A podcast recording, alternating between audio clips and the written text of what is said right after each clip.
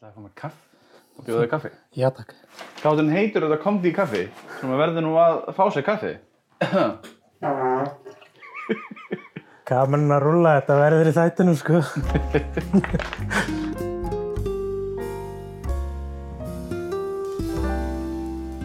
Ok, Alright. Komdu í kaffi og ég er komin, til, komin í kaffi til þín. þú ert komin í kaffi til mín. Yes, umkringdi vídeospólum og töluleikjum og bókum og bara nokkuð flott safniður. Já, takk fyrir það. Hún er safnaði eins lengi ég mann eftir mér. Hvað er máli hérna? Það er Audrey Hepburn kápa með pörtlespólum í. Já, ég er að losa mig við alla kápunar, sko. Ég er með hann ennþá. Ég vil ekki henda henni samt, sko. Nei, það er sko að nota hana fyrir pörtlespólunar þá. Já, ég þarf að nota hann fyrir eitthvað. Já, cool as ice. Úps. Þetta er þetta, ég setti þetta bara þannig að það var gatana.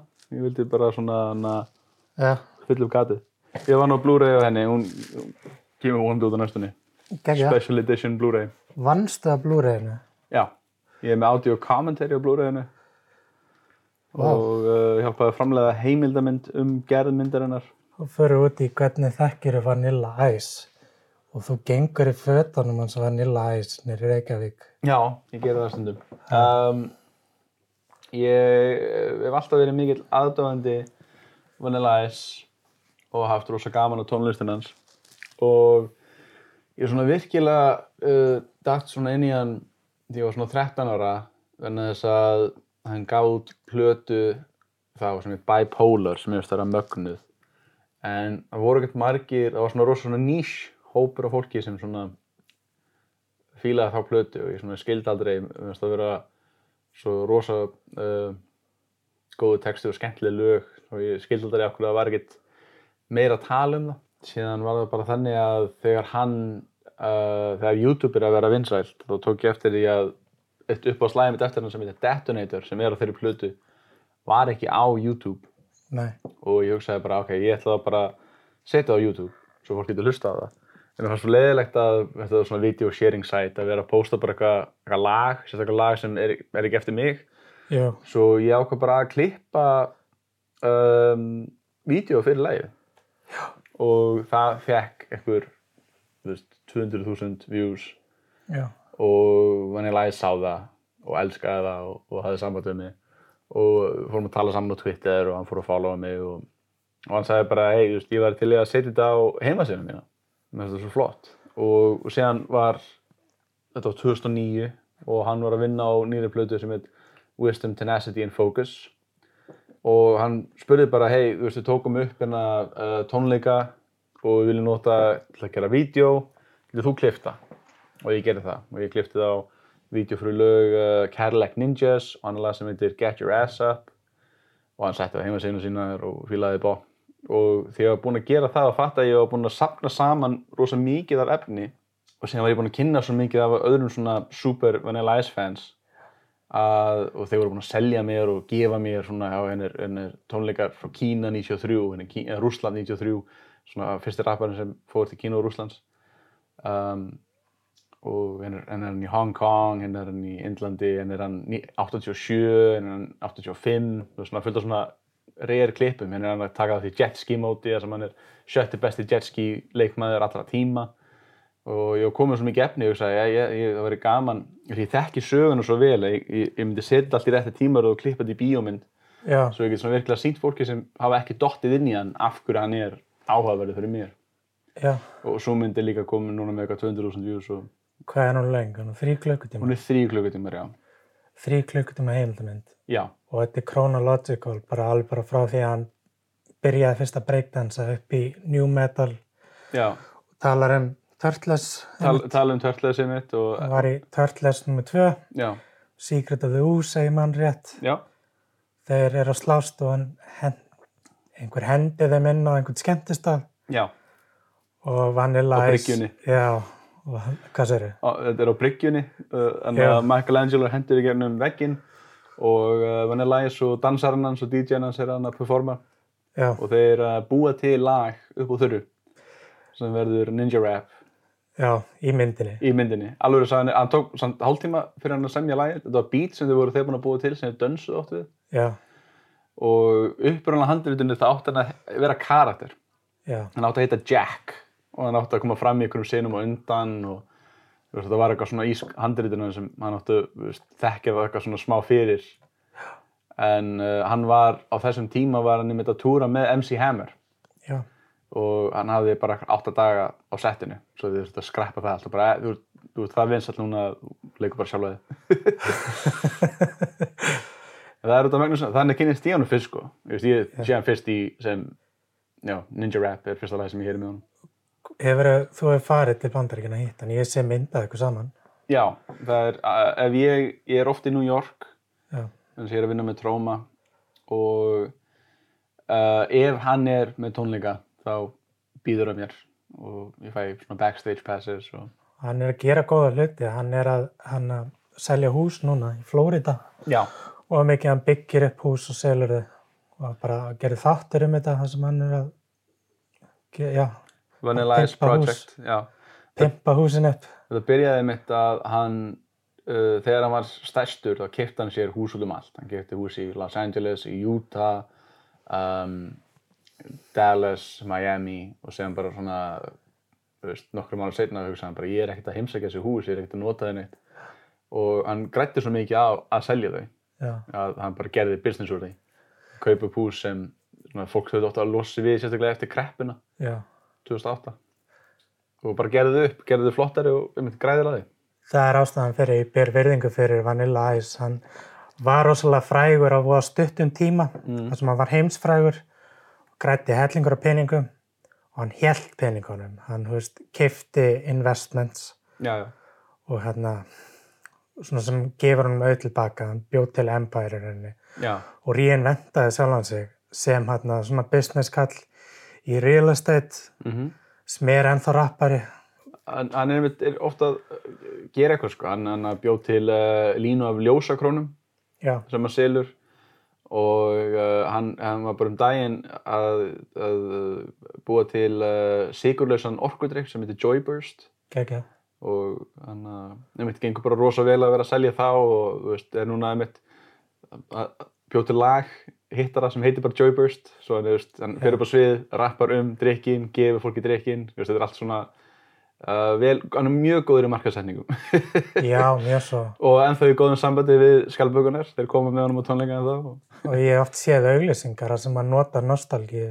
já, þar sem hann er að rappa og hann hitti skjálpökunar og svona. Nefnir rappa í Walmart og hitti Turtles í Walmart eða eitthvað svona. Uh, og var tíðumbútið sem hann vildi hann var, var svona ekki sáttur, vildi svona færa sig frá nostalgíunni. Og fannst það svona leiðilegt ef, ef fólk eins og 2005 og ég sína það í heimildamindinu minni það er já, fólk nota mynd frá hann það var hestur uppi, 91 þá fannst hann ekkert gaman sko. Þannig að hann bara svona, þú veist hann, var á mjög svona staða sem svona hugsaði það snýst um tónlistina, snýst ekki um hver ég var. En hann var líka allir svona reyður út í svona þú veist hvernig svona sumir interpretan sem joke. Já, svo hann, hún fannst ekkert gaman endilega hún fannst aldrei þegar fólk var að nota þetta svona imagery að fólk að hlæja að honum. Já. En núna fer hann að hlæja með þeim og þannig svona diffusar hann þetta já, Fyrir hann, hann nota nostalgíuna fyrir saman sig. Svo hann er, hann er svona og þetta er eitthvað sem þeir, fólk er búin að segja við hann bara nei, nota þetta. Og í langa tíma var hann svona eh, þraut segjur, hvað segja já, en hann uh, já, hann bara svona einmitt áttaði sig á því þú veist, hann tók þú getur sagt eitthvað við hann og hann, mun ekkert endilega hlustaði á sekundur sem þú segir það en hann, hann tekur allt inn. Já. og hann, hann ef, ef hugmyndin er góð þá mun hann eventually nota hana. Þannig að Vanilla Ice is laughing with them all the way to the bank. Já, hann er moldríkur þessi gæi. Hann er það nefnilega. Og hann reinventa sig, hann finnur leiðir. Þú veist, ég byrð rosalega mikla veringu fyrir honum og þannig að það væri bara gaman að hitta hann og taka viðtalið hann. Já, og hversu oft hefur að hitta hann? Hefur hittar hann alltaf í New York? nei, ég hitt hann í um, Breitlandi, ég hitt hann í LA uh, hitt hann eins og í Florida Veist, ég hitt hann nokkru sinnum. Já, en uh, við erum uh, mikið aðalega bara veist, að tala saman gerum Twitter já, og á Snapchat á sínum tíma. En hættar alveg að nota Snapchat núna. En það var einn góð leið til að hafa samband við hann og stundum í e-mailum en, en, uh, en já, svona veist, já, ég hitt hann nokkru sinnum en ég svona kynnti þessum aðaleikar um neti Já, já, það er svona pennavinnur fyrst. Já, í rauninni. Já, En, en uh, samt í nógu góðu sambandi að, þú veist, að hún var stægilegt að, að bjóða mér í veist, backstage í svona, svona eftirparti og kynni mig fyrir öllum. Segja alltaf, þetta er gauðin sem gerir vídjóðin sem þið á svona gaman af. Svo. geðveikt. Hann er alveg ógeðslega skemmtilegur og hann er rosa svona, uh, rosa mikið fyrir lojalista. Veist, hann kann rosa mikið að meta, veist, það er ekki bara ég, það eru, eru nokkri svona aðilar uh, sem eru í rappinu en eru rosa inspired af honum og, og fólk sem er líka ekki í rappinu er að gera aðra hluti, það er bara svona hann, veist, það eru nokkri sem bara automatically, ef hann veit að þeir eru í, bænum sem hann er í, já, það er bara ok, förum að hanga saman, veist, förum í mat, komdu baksviðis, þú veist, hann er bara svona með nokkra sem hann veit að hafa verið hana síðan, þú veist, hafa verið með honum í mörg ár, sko. já, nákvæmlega. Vanilla Ice, kynntustu Coolio í gegnum Vanilla Ice. Já, það er venilega skynntið mig fyrir Coolio. Coolio er rappari in the 90s. Já, Gerði Gangsta Paradise og See You When You Get There. já, Um, Coolio er látið núna, farin í Saumalandið. hann er það, já. Já, Hann gerði líka mjög gott lag uh, fyrir uh, Black Panther myndina sem kom 95. já, Uh, það var hann og Redman og fullt af gaurum en, en um, og þeir bara mætt á staðinn og skrifðu niður text og tók hann upp á staðnum og tók upp myndband á sama tíma, bara allt bara á nokkrum mínútum og hann er með svo flotta línu hann að I have to fight the powers that be because the powers that be are trying to fight me Mér finnst það, það var rosa flott. það finnst það eiginlega upp á lína mér með Coolio sko. Já, upp á slæm með Coolio er See You When You Get There. það er þetta mjög fallegt lag sko. það er með svona perfect lag með fyrir þegar maður er búin að missa einhvern ástuðin eða eitthvað og það var skemmtilegt að heyra það nokkru sinnum, þú veist, fólk fór að spila það í tengslum við þegar hann dó, þú veist, það er svona appropriate en það var, það var einmitt rosa leiðilt með Gulli hann, hann uh, rosa ungur fannst mér, þannig séð Hvað var hann gammal? 50? 54, held ég Já, það ekki. en þú veist, það er mista rosa ungt að vera á þeim aldrei dættin auðvitaður Það er það. Og við skulum fara í Marvel núna. Þú ert, að, þú ert með fyrirtæki sem heitir Hetjumyndusögur. já, Það sem þú þýðir Marvel bækur yfir á góða íslensku. já, Svo að hérna og selur þér. já Hvernig byrjar á því? Fóstu í New York og hittir bara Stan Lee? Stanley var á þessum tíma var ekki lengur að vinna hjá Marvel Nei. en uh, ég sem betur fyrr náði hitt hann áður en hann dó Ok. og hann var alveg indislega maður Já, það ekki. hann var frábær sko mjög fáir sem er að fara að segja eitthvað neitt sérlega ljótt um Stanley Mm. en uh, mér er að segja að þú varst ekki eitthvað 100% hrifin af einhverju business deal hér og þar sko þá hann að er eitt af, að ég hef aldrei hitt neitt sem er já, fljótur að þetta eitthvað skemmtilegt að finna í hug Já. þú veist, og maður þekkir fullt á uppistöndurum svo það er ekki eins og maður þekkir lítið af svona kreatív fólki en hann er, hann var rosa góður að bara að uh, láta mann líða vel, jákvæð orka. Og um, og já, það er, það er rauninni bara það ég hef alltaf gaman af heimnum sem hann og Jack Kirby og Steve Ditko byggur til. Mér finnst það ógeðslega flottur heimur, rosa áhugaverður heimur. Og ég ólst upp í Svíþjóð og það sem mér varst rosa gaman var að lesa uh, sænska myndasögur. Og svona skemmtilegt við sænsku myndasöguna er að þetta var oft nokkra mismundu bækur svona blandaða saman uh, í þeim tilgangi að þú veist, ok, þessi sag gerst í þessa sögu og svona, þetta var svona púsla einhvern veginn og það er rosa gaman að því þetta var svona mismundi artstíl og eitthvað henni og ég hugsaði bara ég væri svo til í að, að svo erfitt með Marvel bækunar og kaupa þær á ennsku þá er það þú veist, þú verður kannski sem þú ert að kaupa Thunderbolts Mm. þá verður kannski að lesa Thunderbolts 1 og síðan Thunderbolts 2 þarf að lesa helmingin og síðan þarf að lesa Thunderbolts Deadpool bókina Mm. og síðan þarf að lesa restina af Thunderbolts 2 þetta var allt svona splittað einhvern veginn svona í sundur Já, eins og ég á okkur Galactus bók þar sem það er uh, Fantastic Four issue 45 og sem kemur issue 58 og maður er svona, ok, hvað, hvað gerist ok. Gaf þá Marvel út Galactus bók með bara sögur frá þeim sem hann kemur fram í. Já, Sögur frá þessum.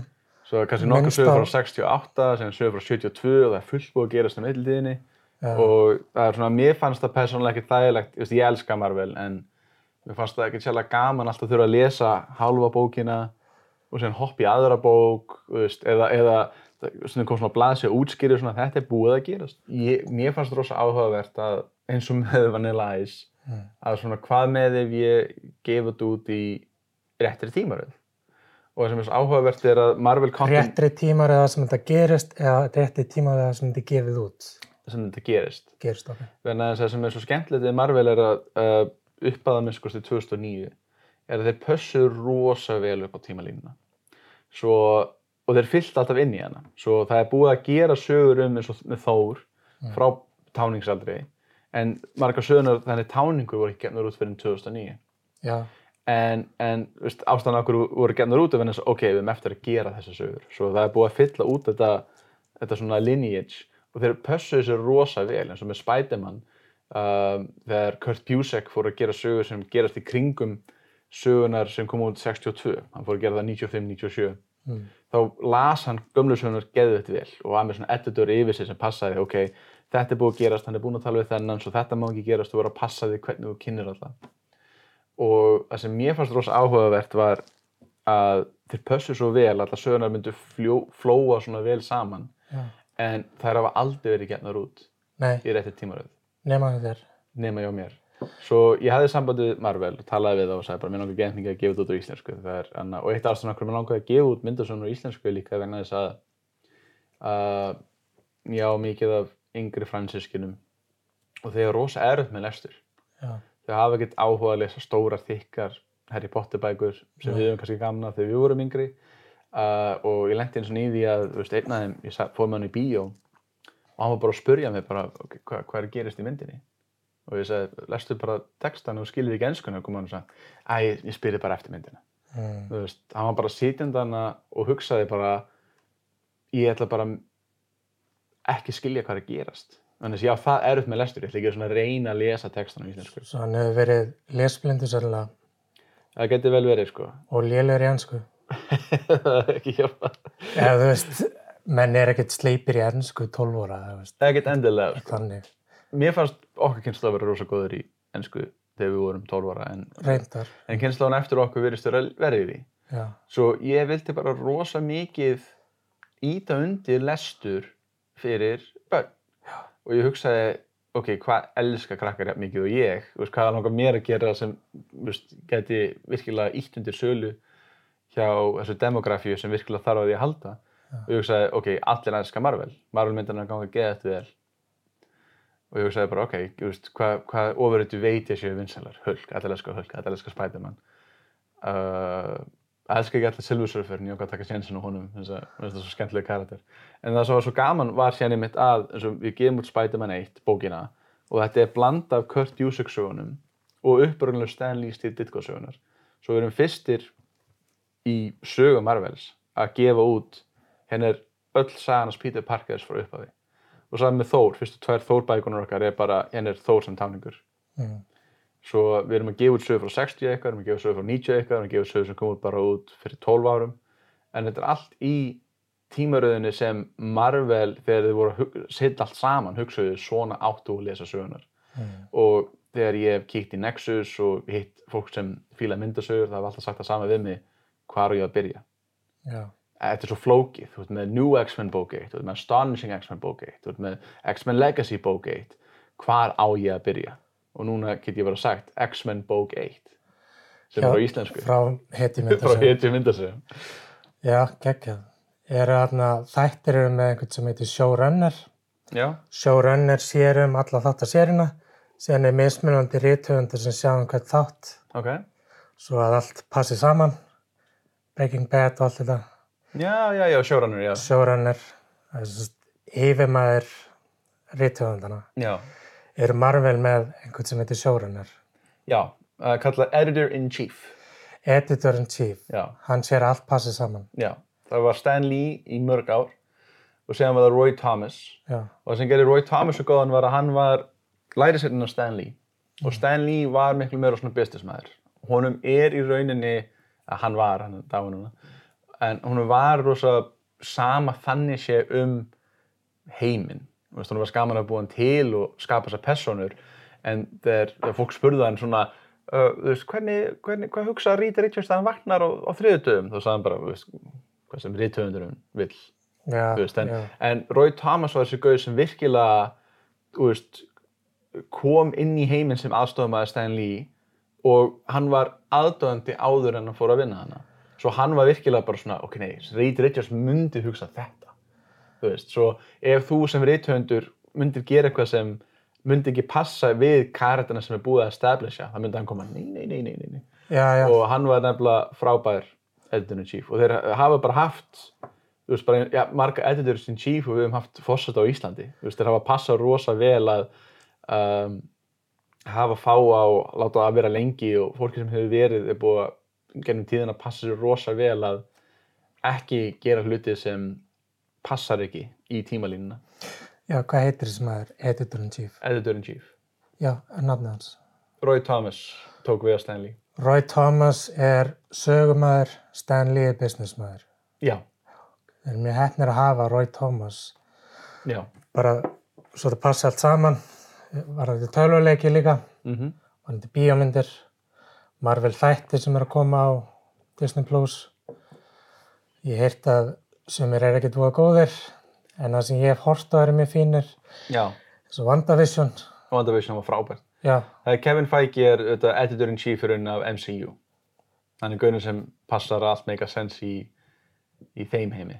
já en Roy, hvað heitir hann? Roy Thomas. Roy Thomas er yfir Kevin Feige, eða ekki? Að að- hann hefði verið að Roy Thomas vinnur ekki lengur Nei. En eftir að Disney kefti Marvel þá splittuður rauninni fyrirtækinu í tvennt. Þú ert með myndasögu fyrirtæki og með kveimundafyrirtæki. Ó, ok. Og það er vegna þess að gaurinn sem var um, átti stóran part í myndasögunum uh, Kevin Feige kvartaði Disney og sagði hei, ég nenni ekki að hlusta á þennan gaur, leiði mér bara að gera sem ég vil gera og þeir bara svona, já, Það er kannski gott af einhverju leiti það sem Kevin Feige er bíómyndamæður. já, Það, þú veist, maður verður að slípa til og breyta til svolítið passi í tekja klukkutíma mynd, þú veist. já, þetta, þetta, þetta er orðið completely bara svona separate divisions og það meikar sens að bara halda þeim þannig. og þannig að hvar kaupir maður heiti myndasögur? Þú getur fengið heitu myndasögu í pennanum, í Nexus, í forlæginu, uh, spilavinum, þau eru í uh, grænu kápunni á Akureyri, uh, við erum með þær í heimkaup heimasíðinni, sem senda heim til þín, heimkaup. Heimkaup.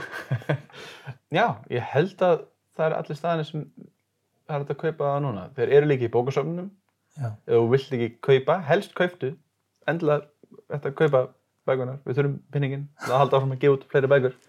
Uh, já, og já, þetta er uh, búið að vera ótrúlega gaman, byrjun 2018 uh, búin að gefa út tvær Spiderman, tvær X-Men eina Silver Surfer, eina Hulk, tvær Thor uh, X-Men bók 3 er á leiðinni og við prentum þúsund eintök. Þannig að að við prentum á Íslandi þetta er endur unnin pappír. Við erum að styrkja íslenska framleiðslu, við erum að ekki eigðalega jörðina og við prentum þúsund eintökun eins og það er bara hagkvæmast.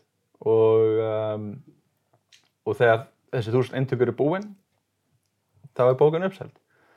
Og við erum búin að selja kringu svona 500 bækur. Svo, eru margir sem veit ekki ennþá að þessu. Svo ef þú, þú veist, ég myndi drífa mig út í bú kaupa Spiderman 1 og 2 vegna þess að þú vilt ekki eiga bara Spiderman 2 hérna stinga upp að drífa sig. Góð jólagjöf líka. Og ertu með samfélagsmiðla fyrir heiti myndasögur? hetju myndasögur á Facebook. Ég svo heima að segja. við erum með heimasögu en hún er niðri sem stendur og ég held að við gætum þetta að breyta léninu svo ég ætla ekki að auðlýsa svona sem stendur svo fólk myndi ekki ná að komast inn á hann Ok, Facebook síða er heimasíða. Já, Facebook, hvað er á Facebook sko, hetju myndasögur Já, og hann taldi upp alla staðina sem ég geti keift myndasögur frá heiti myndasögum Marvel á íslensku í tímalínum sem sagan gerist. Yes, geggja. Herði ég á Tróma. Já, Hvað segir mér, þú vinnur, þú vannst hjá Tróma já, mörg ár sem leikari, hefði gert meira, framleiðandi líka og framleiðandi, já, klippari klippari, já. Tróma, ég þekki Tróma í gegnum Toxic Avenger. mm -hmm. Það sem er einhver maður, allskremdur, mm, mutated, chemical mutated frá geislavirkni. Já, Hann með moppu, heitir Melvin, eða ekki? jú, þetta er allt rétt. drepar alla ljótukallan á Já, fyndir og skemmtilegan hátt. dreipir bara vond fólk. Drepar bara vond fólk, já. Hann er mjög endislega maður. Sem er Terror Firmer, Já, sem er Lloyd Kaufman sem maður sér alltaf poppa í bíómyndum. já, Maður sér hann í Guardians of the Galaxy, hann var fangið þar held ég. já, Og Lloyd Kaufman hefur komið á framfæri South Park-görunum já. og fleiri sem ég veit ekki um, man ekki alveg hvað hann heitir. Kevin Costner, Dustin Hoffman, Billy Bob Thornton, Eli Roth, Samuel L. Jackson, Trey Parker og Matt Stone eins og þú sagðir, James Gunn, Jenna Fisher sem var í Office. Uh, já, byrjuðu öll að tróma.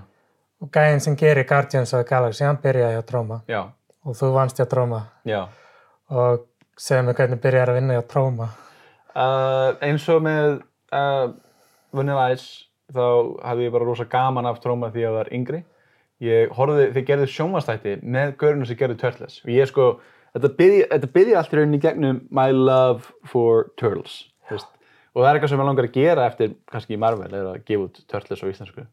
En við sjáum til hversu vinsalt það er. Kaupi nógu mikið af Marvel bókunum og kannski fáðu Turtles á íslensku. Um, ég elskaði Turtles þegar ég var lítill, uh, elskaði þættina og Tróma co-produsaði með gaurinu sem voru að gera Turtles-þættina þættir sem heitir Toxic Crusaders Já, sem var svona G-rate útgáfan af Toxic Avenger. Og Playmates, gaurinu sem gaf út Turtles kallana, gerðu líka Toxic Crusaders kalla. Og ég horfði bara á þetta sem krakki út af Svíþjóð back to back. Og ég bara oh my god ég elska Turtles, oh my god ég elska Toxi. Og ég safnaði köllunum og, og síðan leið mörg ár ég hugsa ekkert um þetta og síðan eh, fjögur ár. Og ég kom til Íslands og kíkti í vídeosamnaran sem er núna löngu farin til miður og ég sá bara myndina Toxic Avenger. Ég er svona wow wow wow what? Og svo bönnuna átján og ég svona byttu byttu byttu er, er, þetta er fulllengt mynd um Toxi. Og er hún bönnuð. Og ég bara, ég orða hana og elskaði hana og þegar ég var 13 ára þá uh, fór ég á Amazon fyrsta sinn, kefti terrorfilmverið mitt og, og undan því var ég búinn að fara að kíkja í vídeo heima sem er núna því miður líka farin á hausinn og ég leiði þar og spólu Cannibal the Musical og Monster in the Closet Monster in the Closet er mjög áhugaður mynd en þess að Paul Walker úr Fast and the Furious, fyrsta myndir sem hann leik í 12 ára gamall. Já, og með honum er Fergie Black Eyed Peas líka 12 ára gömul. Vá. uh, Surf Nazis Must Die Það Class byrjaði of hjá High Tróma. byrjuði á dróma og svo já, ég uh, horfði á alla myndina sem ég gætt fundið, fór síðan á Amazon kefti myndina svo voru nýkomnur út á DFD og ég bara elskaði þetta og ég, ég, mikið á netinu sem krakki. Veist, þannig fann ég vanni og ég bara, maður, maður svona giskaði þessi áfram á undan samfélagsmiðlum unga fólki sem er kannski að horfa. Þá voru til hlutur sem heitir vefsíður. Og það sem ég gerði var bara svona, þú prófaðir, þú- þú varst með eitthvað sem þú fílaðir þú skrifaði nafnina og gerði sem .com. Mm og ég mani ég svona reytaði simpsons.com ok, það er ekki til, leiðalegt, það er gaman. Batman.com, það er ekki til. Og ég fíla vanillæs, vanillæs.com bam, heimasíða og þannig dætti ég inn í, ó, hann gaf nýja plötu. Og þannig dætti ég inn í Detonator og Bipolar og það allt. Og það var bara eins með trómi, prófaði, gæti verið tróma.com og það var bara geðið flott heimasíða og Newgrounds, ef þið þekkið Newgrounds þannig að Newgrounds byrjaði á tróma. Það var portal síða hjá trómaville.com Newgrounds var teiknumynda heimasíða í gamla daga, þar sem Já. menn notiðu Flash, flash og gerðu svona bannaða teiknumyndir já. sem einhver var að kúka ofta eða eitthvað svona. Já, og þetta byrjaði í gegnum um mitt. Þetta var auka vefsíða á Tróma og síðan var hún alltaf stærri og stærri og síðan svona sleftuðu Tróma-tillirum. Fæði þess aðeins úr þessu. En Þannig að Tróma bjóð til newgrounds.com. já, það er, þetta er eins og þú segir all roads lead to Rome. Það er all roads lead to Trome. Ah. Tróma, já. En já, svo það sem gerist var að það var hægt að senda þeim fanmail. Og það eru tveir gauðra sem byggu til Tróma. Það er Lloyd Kaufman og Michael Hers. Og ég hugsaði, Lloyd Kaufman er meira svona outspoken gauðin. Svo ég hugsaði, ég ætla ekki að tröfla hann. Það eru allir að tala um hann. Ég ætla að senda mail á Michael Hers. Og ég sendi bref á hann og sagði bara, dude, ég elska gauðir, þeir eru frábærir. Og ég fekk svar tilbaka sem er bara, bara hei, frábært. Þú veist, ég sagði ég var 13 ára. Hann bara, hei, frábært. Toxi says clean your room.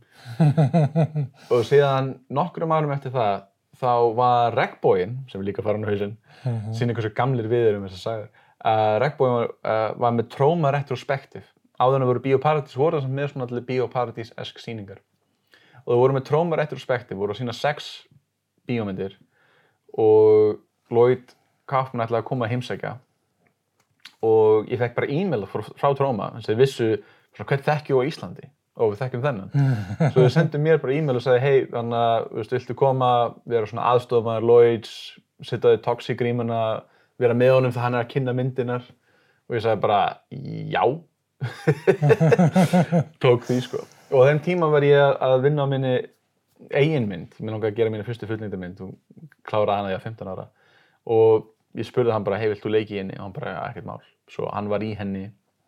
Night of the Living Dead heitir hún. Night of the Living Dead með kái. Þetta er riddari hinn og döðu. Já, fekk 80.000 views þegar voru með hann á YouTube. Ég held ég sett hann í private. Uh, venna þess að núna er hann á Já, sem er þeirra streymi veita ég, svona, verður að, og fyrsti mánu er nókipis, kíkið á Watch Troma Now watch.troma.now og það er hann að Fyrsti mánuðurinn ókipis. fyrsti mánu er nókipis og síðan bara eitthvað 500 krónur á mánuði, já, Er þetta bara 500 kall? já og þetta er uh, yfir 800 bíómyndir sem þeir hafa gert sem er allar ókipis þannig að þessu heimis, ja, ókipis 500 kall á mánuði Ég Er- sá að þið eru með meira. Ég sá að þið voru að auðvitað basket case já, og þeir eru mitt hann að að kaupa réttin á henni og Já.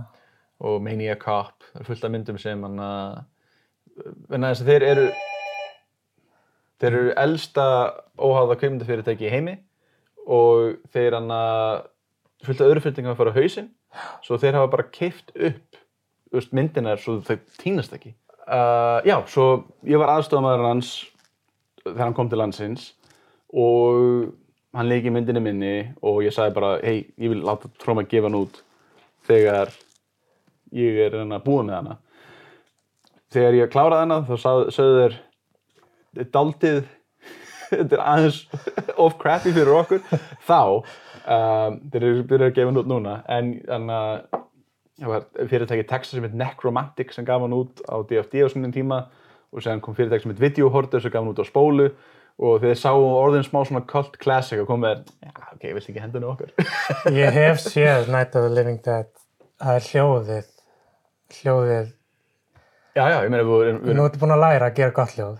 já, ég fór í Það læri svo lengt sem maður lifir. já, ég fór í kveimdaskólan eftir ég gerði myndina svo ég er búinn að læra þetta aðeins betur en, og þetta, var- við vorum með DV myndavel, við vorum 15 ára tók hann upp bara heilt sumar uh, það er ekkert continuity í henni uh, ég, ég forsaði alla við þurfum að, að fylgja handritinu og þetta var ekki gott handrit ég hefði þetta leiðið um að spuna menn allir vinið mínum voru ógeðslega finnir Já. um, ég sé, uh, mikið af mistökum, ég get ekki hort á hana en fullt af fólki hafa hort á hana og bara elska hana Þetta er aðdeglisvart að því leiti að þið voru 15 ára og þið byggu til mynd sem tæknilega sé þið megi ekki horfa á. Já, hún er bönnun að 16 og við erum með, við erum tæknilega séð, við erum fyrsta íslenska splattamyndin og Aha. fólk hefur sagt, ég veit ekki hversu sett þetta er, en fólk hefur sagt við erum fyrsta íslenska hryllismyndin.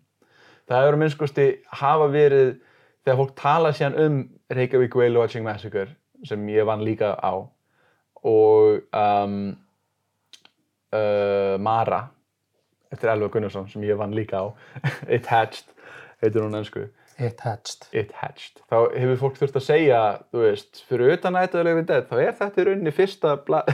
Ah. sem er ógslag gaman en þú veist að, einhver aðri myndi kannski segja að þetta er ekki alvöru bíómynd en aðrir hafa sagt þetta er upp á smyndi mín svo ég tek þetta með grain of salt. Ég er mjög ánægð með að fólk er ennþá að tala um hana. Þú veist að fólk vil ennþá gefa hana út og fólk vil ennþá horfa hana. Já. minn sem ég og vinni mínu gerðum að leika okkur 2005 en þannig byrjaði samband með Tróma og síðan var það þannig að hann var að fara að gera myndina Poltergeist það sömar Poltergeist er um hvað hænu sem geta fólk. Já, það er um, uh, þetta er þeir, þeir, hana, þeir eh, byggja upp svona KFC á Indian uh, Burial Ground. Þeir, þeir ferlega bara leggsteinana, ekki líkin, svo þetta verður allt svona cursed, svo þetta er uh, Indiána zombie þetta er kjúklingur, Ok. drauga, já, drauga uppvakninga kjúklinga Indiánar. Andar indjónuna sem voru undir kjöldingastarnum Fara inn í kjúklingana og fólk getur kjúklingana og verður það svona uppvakningar. og verða uppvætningar sem er líka hænur. Já, og málið var bara að ég var 15 ára, svo ég gæti ekki farið og unnið á þessari mynd, en ég sagði bara, hei, næstu mynd, hvað sem ég gerir, ég já. til. Og það var Return to Nukem High. Mm.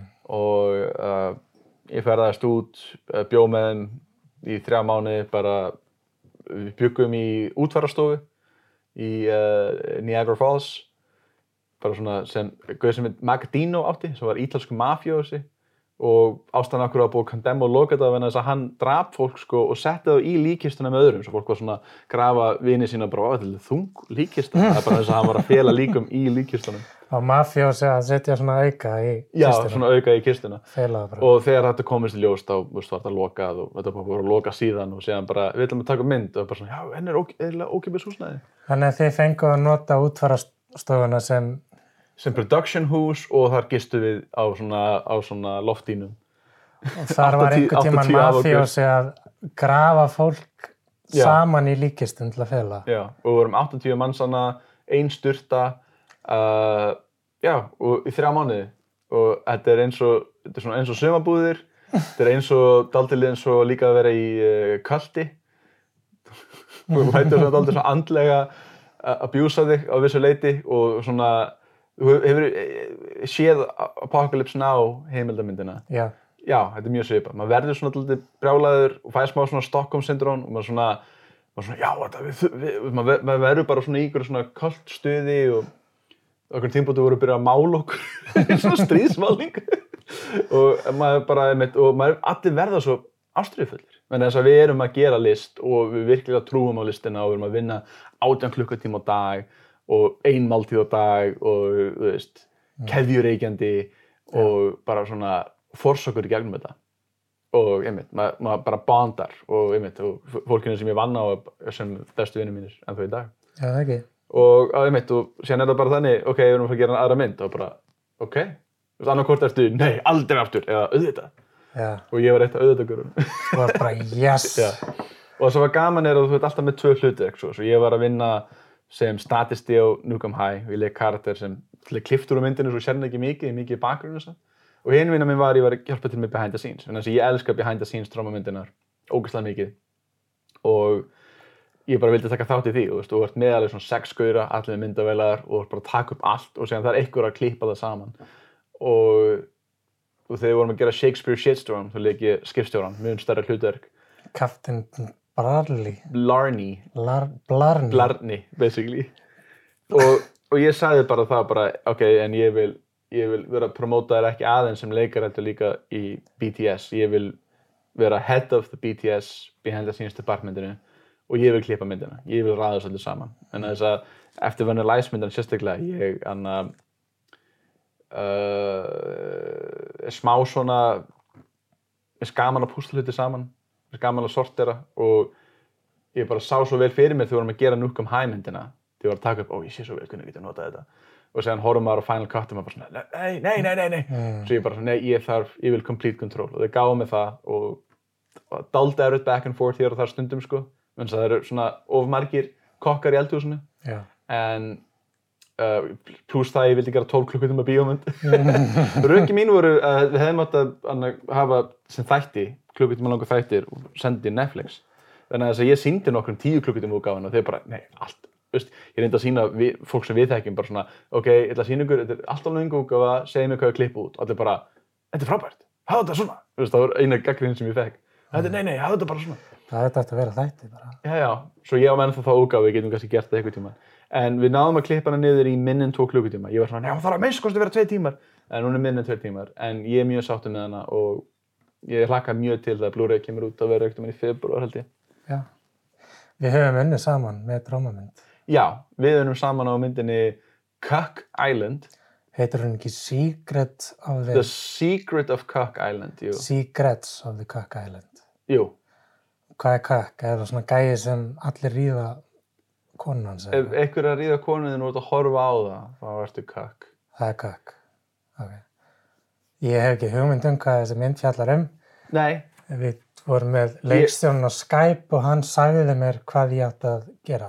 já, það er, ég átti að leika fyrir stórt hlutverk í henni en séðan gerist COVID ég komst ekki út á landi og séðan við vorum að klippa myndina föttu er myndin er alltaf stutt Mm. fáum Bjarni í hennar samt, hann bara tekur upp eitthvað á Íslandi Já, og þá feng, fengum við þig til að vera kameramannin og hljóðmaður, og hljóðmann og ljósamaður. og ljósamann Já. Já. og ja, við unnum að henni og þannig að það var ógslag gaman og einmitt, uh, það er loyalty bara er, er name of the game svo það kemur að, þú veist, ef, tróma byrðum að gera eitthvað svona, saman Já. Vanilla Ice, þú veist.